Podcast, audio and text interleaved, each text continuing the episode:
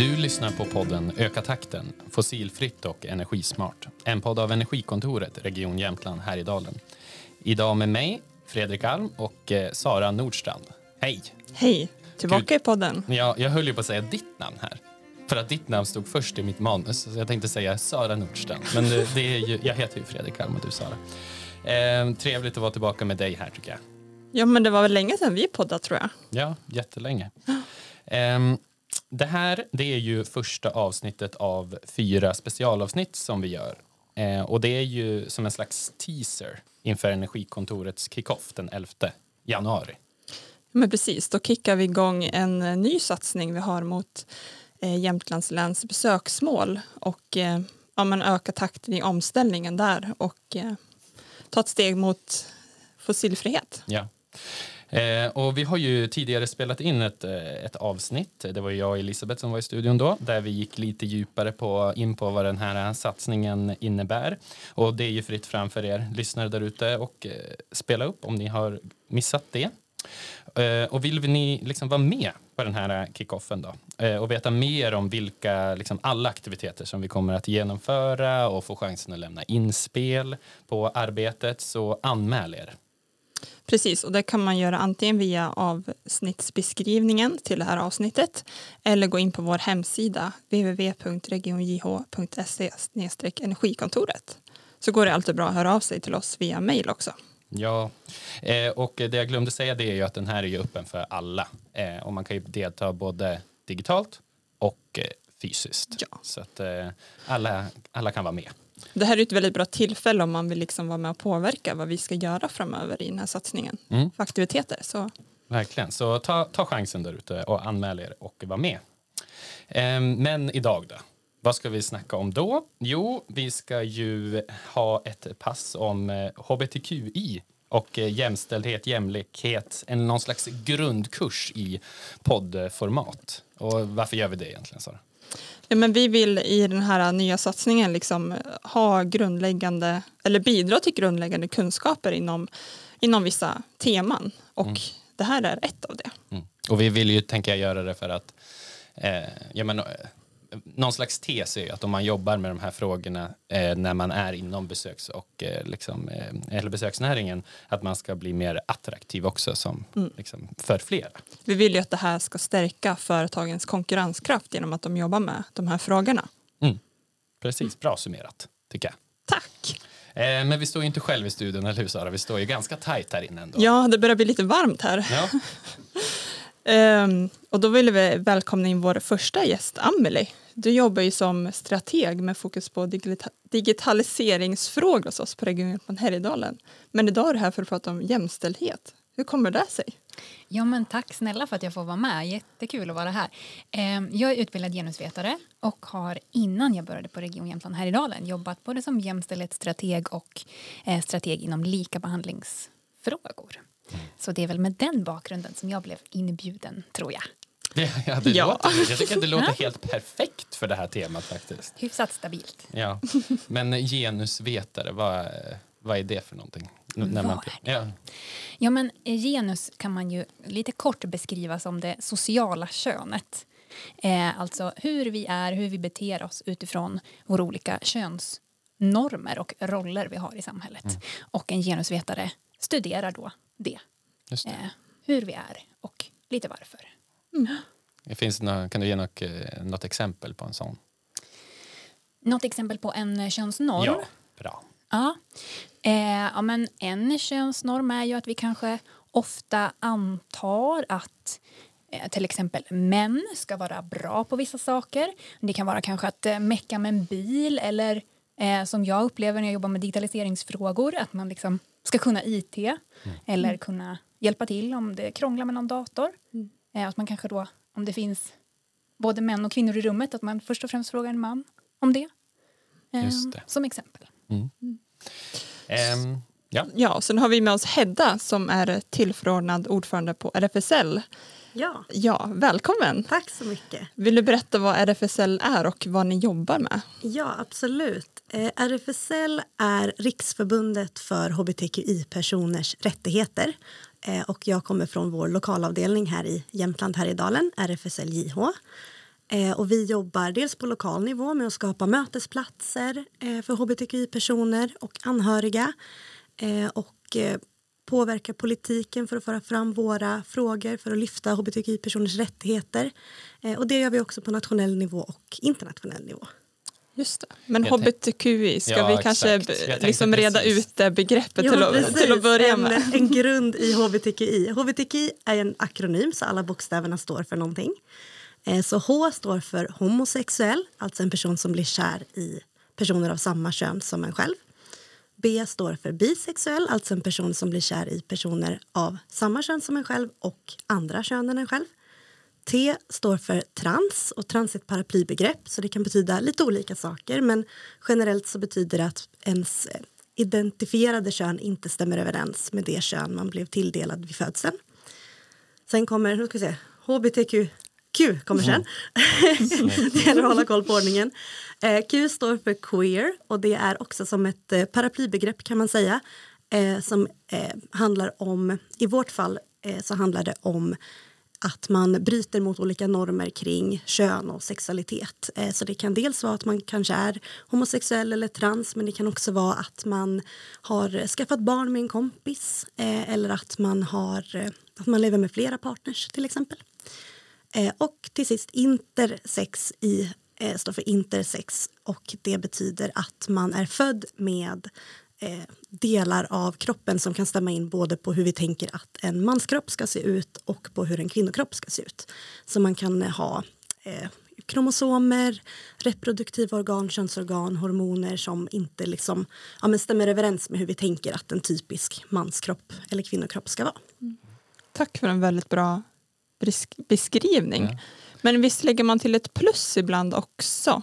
Alltså Ja, hbtqi. Vad plus. vad? Ja, eh, plusset kan ju innefatta lite vad som helst. Men generellt så brukar man lägga in i plusset kanske andra eh, sexualiteter. Det finns ju fler sexualiteter än bara homo och bi. Ehm, till exempel asexuell som innebär att man inte eh, känner någon sexuell attraktion. Det kan man lägga in. Ehm, man kan lägga in poly, alltså att man eh, har flera partners, man blir kär i flera personer på samma gång. Ehm, man kan lägga in andra könsidentiteter, icke-binär till exempel eh, som innebär att man känner sig både som man och kvinna på samma gång eller inget av det eller kanske en liten blandning av båda två, någonstans mitt emellan. Eh, så plusset kan man liksom använda för att lägga in ja, men fler normbrytande identiteter kan man säga. Just det. Tror du liksom att det finns ett eh, kommunikationsproblem eh, med alla de här bokstäverna? Liksom? Alltså att folk upplever att det är svårt att hålla reda på allting och att liksom, det tillkommer bokstäver och man blir så här, "Ha, nu finns det någonting nytt. Ja, det tror jag absolut. Och det är faktiskt en diskussion som vi har på, på RFSL nu. Att vi har förslag på att lägga till fler bokstäver och folk har börjat prata om att det börjar bli för många och det blir lite konstigt. Eh, Ska vi bestämma vilka som får vara med och inte med vilka bokstäver vi lägger till? Så vi håller på att försöka hitta något lite bättre samlingsbegrepp. Men generellt så kan man väl säga att vi jobbar för personer som bryter mot, ja, men bryter mot normer om sexualitet eller kön helt enkelt. Om man vill koka ner det lite grann. Ehm, enligt en undersökning som Booking.com har gjort med fokus på just hbtqi-resenärers upplevelse då uppger 75 procent att de måste tänka, eh, tänka på sin säkerhet och sitt liksom, välbefinnande när de väljer resmål. Eh, och att, liksom, att ett aktivt ställningstagande inom resebranschen då, bidrar till att öka resenärernas självförtroende att man faktiskt vågar åka. Eh, är det någonting som ni upplever, eller du Hedda upplever från de som är med i eran eh, ja, men RFSL Jämtland också, att man, att man funderar på de frågorna? Ja, jag skulle säga att här tror jag att resebranschen, eller vad man ska säga, inte är... Man ska inte glömma bort att den är också en del av resten av samhället. Och hbtqi-personer behöver ju ofta tänka sig för och tänka på sin säkerhet oavsett var man ska någonstans. Så där tänker jag att eh, resebranschen inte nödvändigtvis är annorlunda än eh, skolan eller eh, en arbetsplats eller var som helst som man ska eh, vara som hbtqi-person. Eh, så där tänker jag att jag är inte förvånad över att 75% behöver tänka på sin säkerhet. Och Speciellt så tänker jag att när man behöver ofta om man reser någonstans till någon annanstans än där man är van så vet man inte hur det brukar vara lokalt. Det kan vara så himla olika bara från alltså, stad till stad, by till by hur acceptansnivån är. Um, så att, ja, det förvånar mig inte att det är en så hög siffra som oroar sig över det. Har du varit med om något liksom besöksmål som har känts exkluderande? Jag fick faktiskt ett exempel höra igår. Um, på, inte jag själv, men en person i min närhet som hade varit på en sån här eh, konferensanläggning med spa och hade kommit upp till sitt rum och där hängde det eh, två morgonrockar, två par tofflor. På ena morgonrocken stod det hans, på andra morgonrocken stod det hennes. Och sen tofflorna så var det hennes storlek 38 och så hans storlek 44. Det. och det blev jag faktiskt... Det är såna där grejer som man hör och bara, men herregud, mm. Eh, kan folk verkligen, kan det vara så här? Eh, det var ett, ett väldigt tydligt exempel eh, på hur man kan tänka på det här väldigt stereotypa sättet. Att, men det, är ju, det är klart det är bara heterosexuella som ska gå på spa. Mm. Eh, men och annars så tänker jag att det är de här vanliga, vanliga säger det låter ju tufft, men eh, eh, mikroaggressionerna som det heter. Att man kan få blickar, kommentarer både av personer som jobbar någonstans men också tänker jag, av andra besökare. Att det, man kan jobba hur mycket som helst inom sin eget, eh, sitt eget företag eller sin egen organisation. Men man kan ju inte alltid kanske jobba med alla andra personer runt omkring. Ehm, så det är ett jättestort och svårt arbete som man måste göra tror jag. Mm. Jag tänkte kopplat till jämställdhet så är det väl ändå lagkrav på företag som har fler än 25 anställda att man ska ha en jämställdhetsplan. Jag kollar på Amelie här för, och du nickar så det stämmer. Men finns det liksom någon motsvarande vad gäller liksom hbtqi hos företag? Alltså finns det någon, har man något krav på sig? Vilken bra fråga. Det vet jag faktiskt inte. Jag tror inte att det finns det. Det kanske du vet? Ja. Amelie räcker upp handen. Jag räcker upp handen här. Det finns, det finns ju ett lagkrav i diskrimineringslagen. Eh, Absolut. Mm. Att man inte får diskriminera. Men ja. det har ju inte liksom med policy att göra. Att man aktivt behöver arbeta med det på det sättet. Eh, men självklart eh, så, så ska man inte diskriminera personer oavsett eh, vad, det, vad det handlar om utifrån diskrimineringsgrunderna. Då. Mm. Men där har vi både sexuell läggning och könsidentitet och könsuttryck som, som lag. Mm. Men Amelie, upplever du att man har liksom kommit längre i, när man tänker på liksom jämställdhets... Um, begreppet och liksom re, reseanledningar liksom med, med kvinnors kontra mäns säkerhet när de väljer besöksmål? Jättebra fråga det också. Eh, jag tänker att vi har, vi har en längre tradition, om man kan kalla det det, av att jobba med jämställdhetsfrågor än vi har att jobba med hbtqi-frågor. Um, och vi har jobbat med någonting som heter jämställdhetsintegrering i Sverige eh, sedan 1994 och eh, diskriminerings, diskrimineringslagen är, är yngre än så, så att vi har inte jobbat med det lika länge. Eh, det hänger ju också ihop. Alltså könsnormer, jag tycker det var så bra exempel du tog Hedda, just det här med, med hans och hennes. Och mm.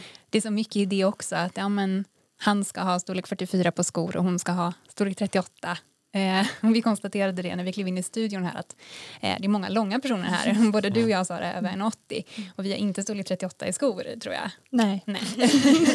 så.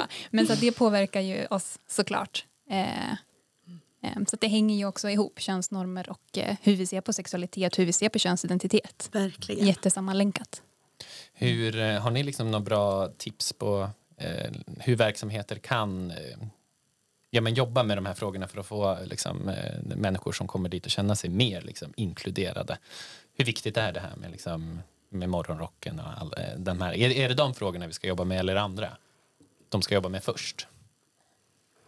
Ja, jag tror att det här, morgonrocken kan ju verka som en liten grej eh, när man ser på det som en isolerad händelse. Men det man ska tänka på, speciellt för hbtqi-personer, är att man ofta går genom vardagen och blir utsatt för små, små, små eh, påminnelser hela tiden om att man inte, men man inte är som man ska, att man inte passar in, att det liksom inte finns en plats för en i världen på samma sätt som det finns för heterosexuella cispersoner. personer Eh, och då blir de här morgonrockarna, även om det är bara en liten grej, men det var den och sen så var det den andra grejen på vägen dit och sen så var det den där och så var det den där, att det liksom skapar den här helhetsstressen för många hbtqi-personer.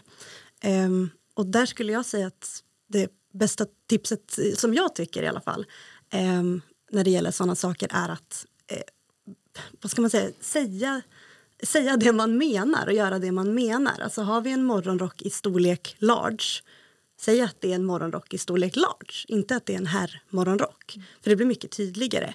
Eller har vi ett par skor i storlek 38, ja men säg att det är ett par skor i storlek 38. Och på samma sätt i, i språket, eh, om vi menar alla våra vuxna besökare så kan vi säga alla våra vuxna besökare. Vi behöver inte säga kvinnor och män till exempel. Så det skulle jag säga är det absolut enklaste sättet att vara mer inkluderande när man pratar och när man tänker på hur man lägger upp sin verksamhet. Att man behöver inte göra det mer komplicerat än vad det är egentligen. Mm. Det finns något sätt företag kan marknadsföra att de jobbar med hbtqi-frågor? Marknadsföringen skulle jag säga är en lite känslig fråga. Eh, resebranschen upptäckte ganska tidigt att eh, det finns många homosexuella par som inte har barn och därför har ganska mycket pengar att spendera, som gillar att resa. Eh, och så resebranschen började ganska tidigt jämfört med andra liksom, i samhället att marknadsföra sig just specifikt till hbtqi-personer eh, och ha med eh, samkönade par till exempel på bilder i marknadsföring och så. Eh, och det som väl blir lite problemet där är att man började marknadsföra sig på det sättet men man kanske inte gjorde arbetet för att faktiskt vara en inkluderande plats utan man tänkte bara ah, här är vi en grupp som vi kan tjäna pengar på. Och det tänker jag också kanske har bidragit till det här att hbtqi-personer känner sig osäkra när de är ute och reser. För att man har fått kanske en bild av att det här ska vara en trygg plats för det är så det ser ut på bilderna. Ehm, så jag tror att det bästa sättet där är väl att alltså, försöka visa det i, i handling och inte i bara bild, bilderna. Det blir som lite greenwashing fast hbtqi. Ja, pinkwashing. Mm. Just det. Pinkwashing, mm. pinkwashing. Yes, det är ett, ett, nytt begrepp. Just det. Har du mm. någonting att tillägga, Amelie? Till den här? Ja, men jag, jag tänkte på det. Det var så mycket bra saker du sa, Hedda. Just om att så här, vi behöver också jobba med våra antaganden och vårt bemötande i det. Eh, för att bara att vi sätter, sätter dit en liten hbtqi-vänlig eh, vänligt resmål eller en eh, prideflagga eller vad det kan vara, det eh, kommer ju inte trygga alla Nej. personer om man ändå inte blir bemött eh, på ett bra sätt. Eh, och sen så tänkte jag på det här med eh, att man inte uttrycker sig i, i termer av kvinnor och män. Och det är lite dubbelt, för jag tänker, jag som har jobbat mycket med jämställdhetsintegrering, jämställdhetsstrategi, vi tjatar ju hela tiden om kvinnor och män, kvinnor och män. Men så har vi också ett, liksom, en sägning eh, som, vi, som vi brukar slänga oss med och det är alltid kön, men aldrig bara kön. Eh, just för att vi kan inte bara prata om, om kön eh, och jämställdhet utifrån från den aspekten utan det ser olika ut beroende på vilka vi är. Till exempel vad vi har för sexuell läggning, eller könsidentitet. Det kan handla om etnicitet eller funktionsvariation också. Eh, så jag tänker så här, ja, men kan vi inte säga då kvinnor och män och andra personer? Alltså att vi liksom inkluderar alla mm. eh, men att vi ändå benämner det. För att på det sättet så synliggör vi också normer. Mm. Eh, för säger vi bara alla vuxna då, då åker vi, vi åker, vi åker, vi åker liksom dit på den här eh, men vita medelålders mansnormen som mm. också då är hetero såklart då ja. har eh, 1,2 barn eller 2,5 barn eller vad det nu är och kör Volvo och har villa. Ett halvt i alla fall någonstans. Ja, ja exakt. Mm. Ja, men jätte, jättebra tillägg. Jag lägger jättegärna till där också att eh, precis som du säger att när man pratar om alla vuxna till exempel så hamnar man jättelätt i att man ser bara den stereotypa vuxna framför sig. Och Det är väl också ett tips kanske att tänka på för sig själv att när man säger alla, när man säger att man riktar sig till alla då är det aldrig så att man, man riktar sig till alla utan man riktar sig till dem som man själv ser som alla, som man har ja. sina förutfattade normer om. Och Det tänker jag också är jätteviktigt att tänka på. att när vi pratar om, ja, men Om vi pratar om alla våra besökare, vilka ser vi framför oss då? Eh, och verkligen ifrågasätta de normerna man har eh, om vilka alla är. Eh, för det stämmer oftast inte överens med mm. verklighetens alla. Och jag tänker också att då kan man ju missa om en grupp i den här alla har särskilda behov av något slag. Då. Ja, liksom precis. När man ska dra alla så. Eh, tycker ni att vi, eh, nu när vi pratar, tycker ni att vi pratar liksom om eh, utanför Sverige eller är vi också i Sverige när vi diskuterar liksom olika besöksmål och, och sådär? Jag tycker definitivt i Sverige. Absolut. Mm. Intressant. Jag, jag, tror att liksom många kanske inte föreställer sig det. Alltså det är ju likadant med typ, ja men, när man tänker klimatarbete i stort, Sverige är så duktiga, alltså att man ofta lyfter fram liksom det och att vi har jobbat länge med hbtq. Ja, alltså så. Att nej men det är någon annanstans, inte i Sverige. Så det tycker jag är bra att ha med sig. Mm, jag kan också um, få den frågan ganska ofta om jag föreläser om, om, om jämställdhet eller jämlikhet. Um, att så här, men vi är ju så bra på jämställdhet i Sverige. Varför, varför kommer vi inte längre då? Vad är det som hindrar oss? Och jag brukar svara att det är bland annat för att vi tycker att vi är så bra på det. För att då så kanske vi inte ser allt det där som vi behöver se och vi kanske inte gör det som vi behöver göra. Um, ja, vi nöjer oss lite helt enkelt. Men Hedda och Amelie, om ni skulle få ge liksom era topp tre tips till företag som lyssnar på podden här. Hur man kan jobba bättre med de här frågorna. Vad skulle det vara? Om börjar med dig Hedda. Um, oh, vilken svår fråga, det kanske borde vara lätt. Um, det är så svårt för att alla verksamheter är så himla olika såklart. Men eh, jag skulle säga att det viktigaste är att ifrågasätta vilka normer man har. Eh, vilka förutfattade meningar man har om kanske eh, dels sina medarbetare eh, men också sina besökare. Ehm, och börja ifrågasätta det här att okej, okay, men om vi börjar utgå från att alla inte är heterosexuella, om vi börjar att inte utgå från att alla är cis, vi börjar inte utgå från att alla eh, barn har en mamma och en pappa som ni förstår vad jag menar, att man börjar liksom ifrågasätta de normerna tror jag att man ganska snabbt kommer att kunna syna sin verksamhet lite grann och se var har vi liksom satt upp hinder eller sånt som verkar exkluderande. Och som sagt, det är de här små sakerna ofta som man inte tänker på men som ja, skapar den allmänna otrygghetskänslan. Eh, så det skulle jag vilja säga är ett, ett bra tips, ett bra stans att börja.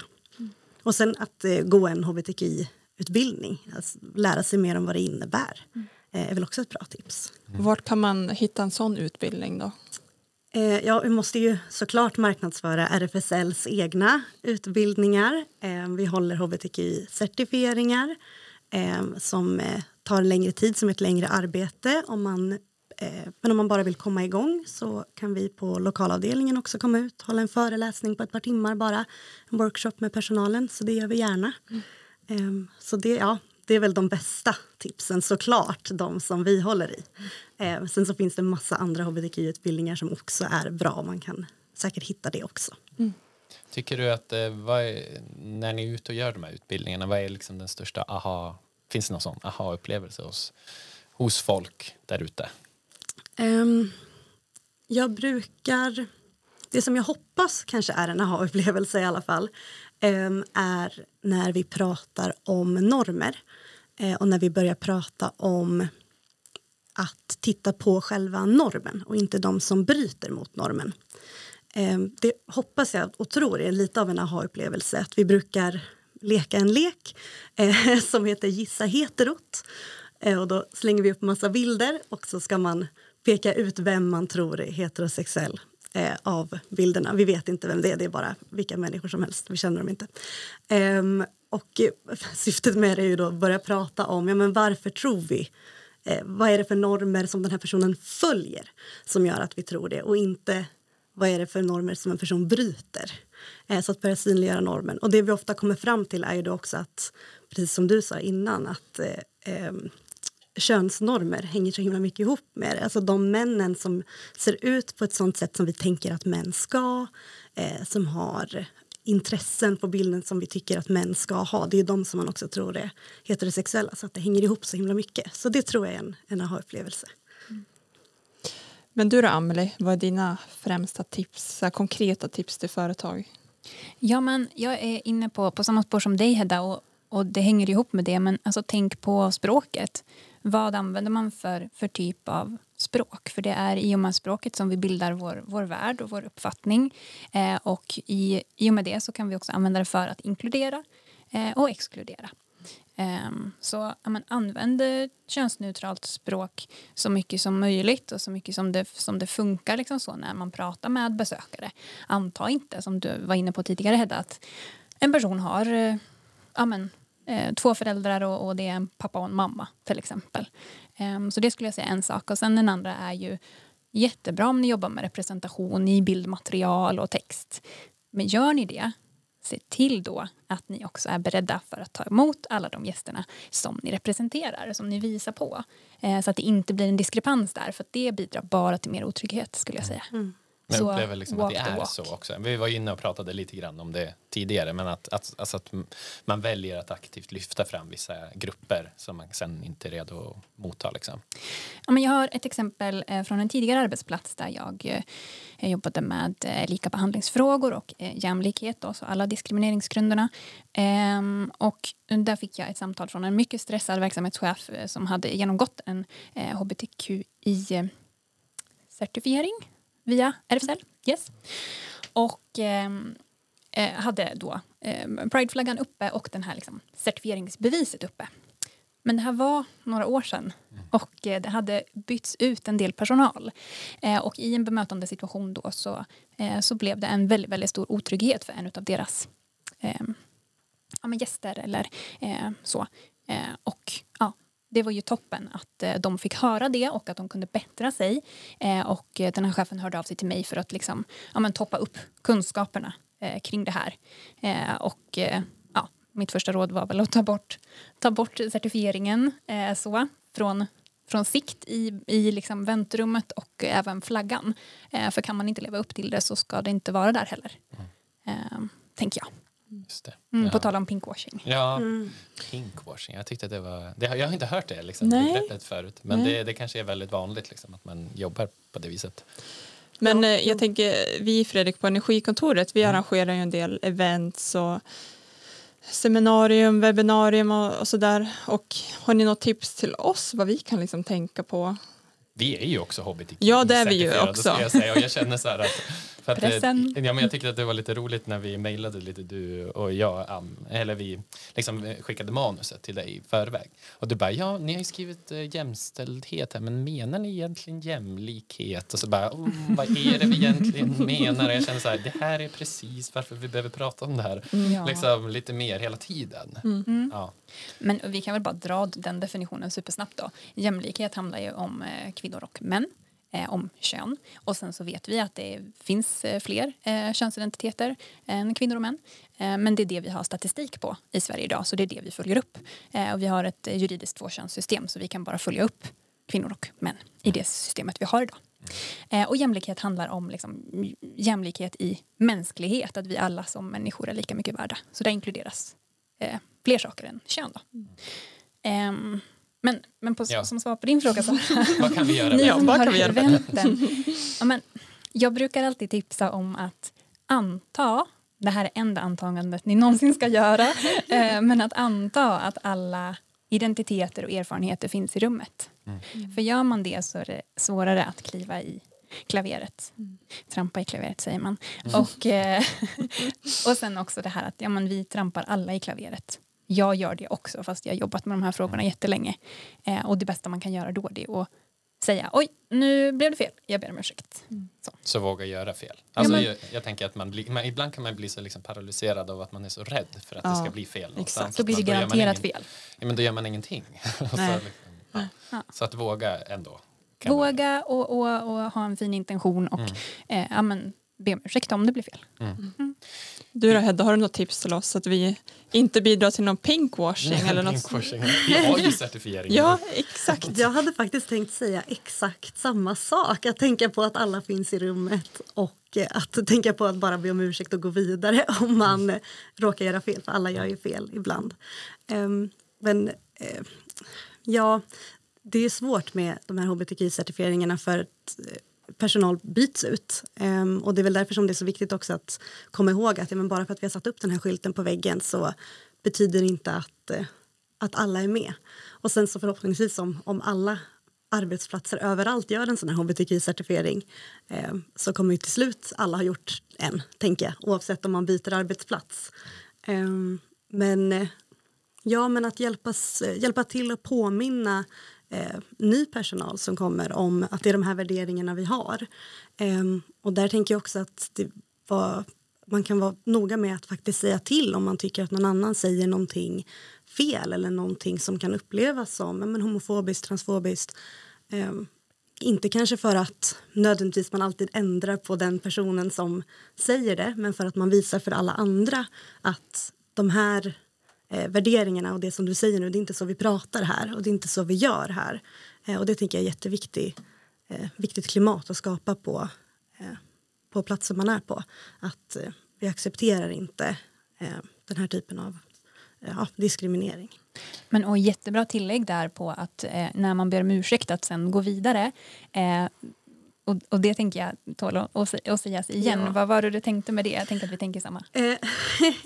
Ja, alltså om eh, man till exempel råkar säga fel pronomen om någon så är det väldigt vanligt tror jag att när man har råkat säga fel och så blir man rättad. Att man säger Åh nej, men gud, förlåt, nej, men du, det, det, var inte meningen och, och, min kusin är ju faktiskt trans och jag, jag, brukar faktiskt alltid säga rätt på henne, eller honom menar jag. Och, och, och, och sen så, ja, ni fattar. Ja.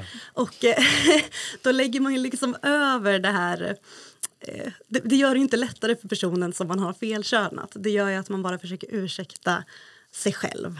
Eh, och eh, ja, man lägger över mycket av det här tyngden för felsägningen på den personen som har rättat det.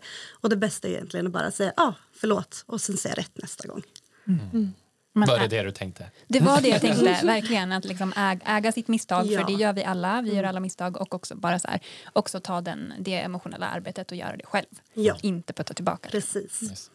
Hur, eh, jag tillhör ju själv den här akronymen hbtq Men eh, vad heter det, jag tänker hur viktigt eh, tycker ni att det är liksom med representation? Liksom? Att man faktiskt, alltså att man har, om, man nu har anställda som tillhör det här liksom, och att man också eh, på något sätt visar att ja, men här är liksom alla välkommen.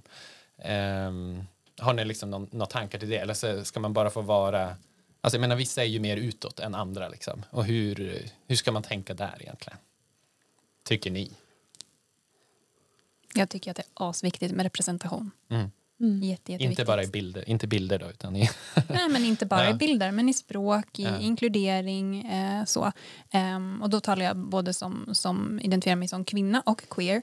Eh, och jag tycker att det är, är viktigt för att så här, ja, men, då får jag finnas och jag kan vara hela mig själv, inte bara delar av mig själv. Eh, och känna mig trygg med det. Och om man nu ska tänka på liksom, ja, men, besöksnäringen och, eh, och så, så kanske det inte bara handlar om de som besöker utan också de som jobbar där. Mm. Och det är klart att det finns människor liksom, på hbtqi eh, spektrat eller liksom andra identiteter som, som sällan är representerade. Det brukar vara mycket eh, bilder på vita människor till exempel.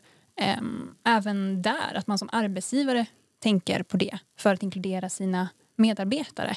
För får du tillgång till en hel person istället för en del av en person eh, så blir det både trevligare på arbetsplatsen men också eh, en finare arbetsmiljö mm. för alla, inte bara den individen eller de mm. individerna. Nej, men för liksom, så kan jag ju känna själv om man får bli liksom lite personlig att, alltså att uh, gå till jobbet är också att lämna en viss del av sig själv hemma för att man vet inte riktigt hur Alltså dels jag personligen eh, alltså, så har haft lite svårt också att veta vem är jag eh, liksom när jag är mig, med mitt hela jag. Liksom, så här, är det när jag är hemma eller när jag är på jobbet? Eller, alltså, man har olika roller och det, det är väl många som har olika roller. Så. Men alltså, att just behöva lämna det hemma, då blir man, jag tyckte det var bra sagt, alltså, att man inte är här komplett kanske riktigt. Alltså, men då kan man inte prestera heller. Mm. Som man kanske borde.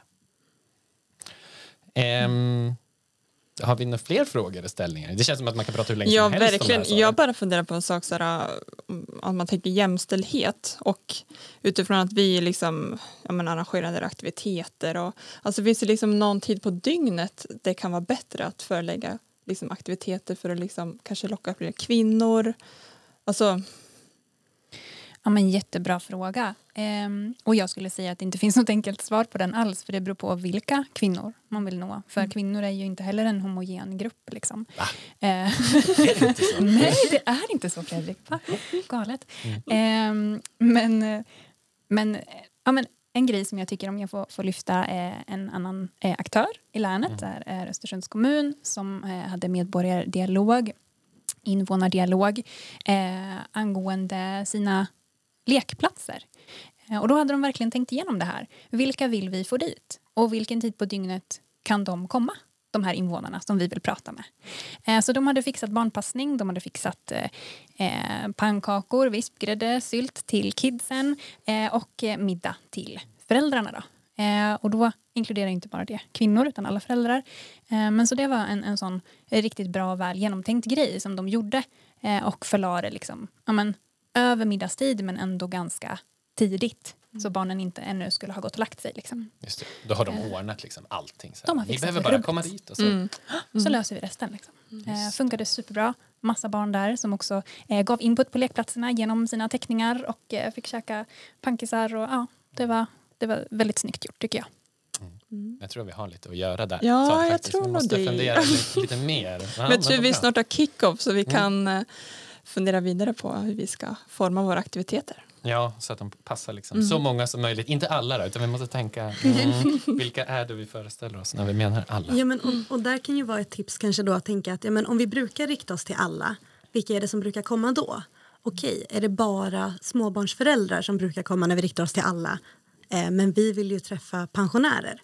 Då kanske man måste rikta sig specifikt till pensionärer och så kanske småbarnsföräldrarna kommer ändå.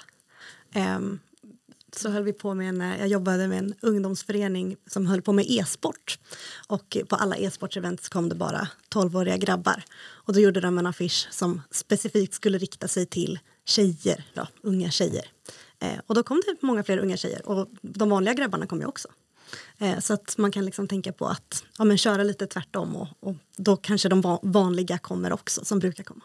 Mm. Jag tycker att det här är liksom någonting som Alltså när, när vi, vi sitter och jobbar lite med kommunikationsplaner och man ska reda ut vilka är sina målgrupper. Och det, jag tycker ofta landar jag i så här, åh gud vad jobbigt det här är. Eh, för att det är så svårt att liksom specificera. Och då blir det så här, men vi, gör ju, det, vi är ju mot alla. Så här, men jag tycker att det här var väldigt bra liksom, exempel på att då blir det nog inte så. Att man riktar sig mot alla. För att vi har ju ändå en tendens att det är mer män, det är lite äldre män eller liksom så här, kanske lite män, alltså män som har lite mer pengar. Alltså, det blir ändå en viss, och så bara varför blir det så? Ja. Men eh, jag tänker att man behöver inte vara eh, för hård mot sig själv heller eftersom ens egen verksamhet existerar inte borta från allt annat i samhället och de normerna som finns påverkar ju allting som vi gör.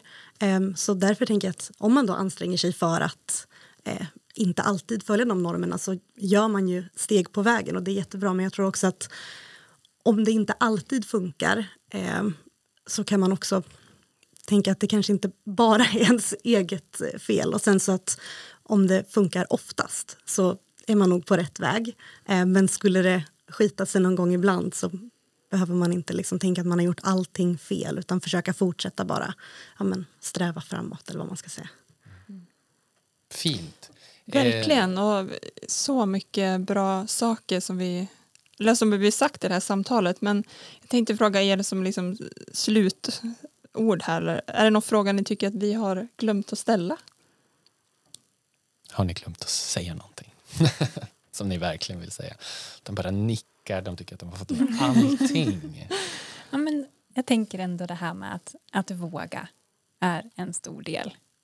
Och ja, det kanske blir lite fel och man kanske inte gör det rätt helt och hållet från början men då är ni på väg upp på G i alla fall. Så att så här, känner inte för, för rädda, ni där ute som funderar på men hur ska vi ta oss an det här och de här frågorna, hur ska vi jobba mer med det? finns massa bra gratis material på nätet, man kan googla runt, man kan kika.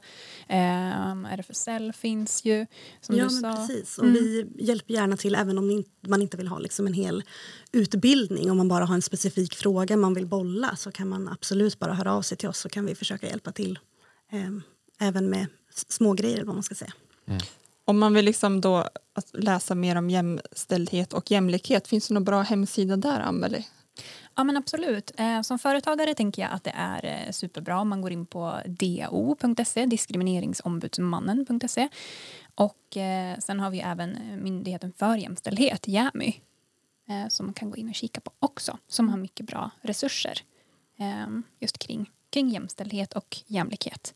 Och sen kan man ju också bara som en liten sån här brasklapp tänka på att eh, ja, vi har ett visst antal diskrimineringsgrunder i Sverige, det är sju stycken, eh, men det går såklart att liksom, behandla varandra illa utifrån andra grunder än bara dem. Men det är en bra start att kika på dem. Snyggt. Du Hedda, tycker du att det är någon fråga vi har glömt att ta upp idag? Nej, jag tror att ni har täckt in det mesta. Allt. Ja, precis. Alla. Ja, Okej, nu kommer jag hela tiden tänka att mm, nu har jag glömt något bara för att jag har tänkt på allt. Eh, men stort, enormt tack till Ja. eh, Amelie och till Hedda. Eh, det var jättevärdefullt att ni var med. Verkligen. Tack, det var jättekul att få komma och vara med. Verkligen, tusen tack. Och eh, tack till alla ni som har lyssnat eh, där ute idag. Eh, och glöm inte att anmäla er till kickoffen. Vart eh, hittar man det nu då, Sara igen? Ja, men dels i avsnittsbeskrivningen till det här poddavsnittet men också på vår hemsida www.regionjh.se energikontoret. Yes. Och det här avsnittet det har ju finansierats av EUs regionalfond och Region Jämtland Härjedalen. Med det säger vi tack Sara. Tack. Och hej då. Hej då.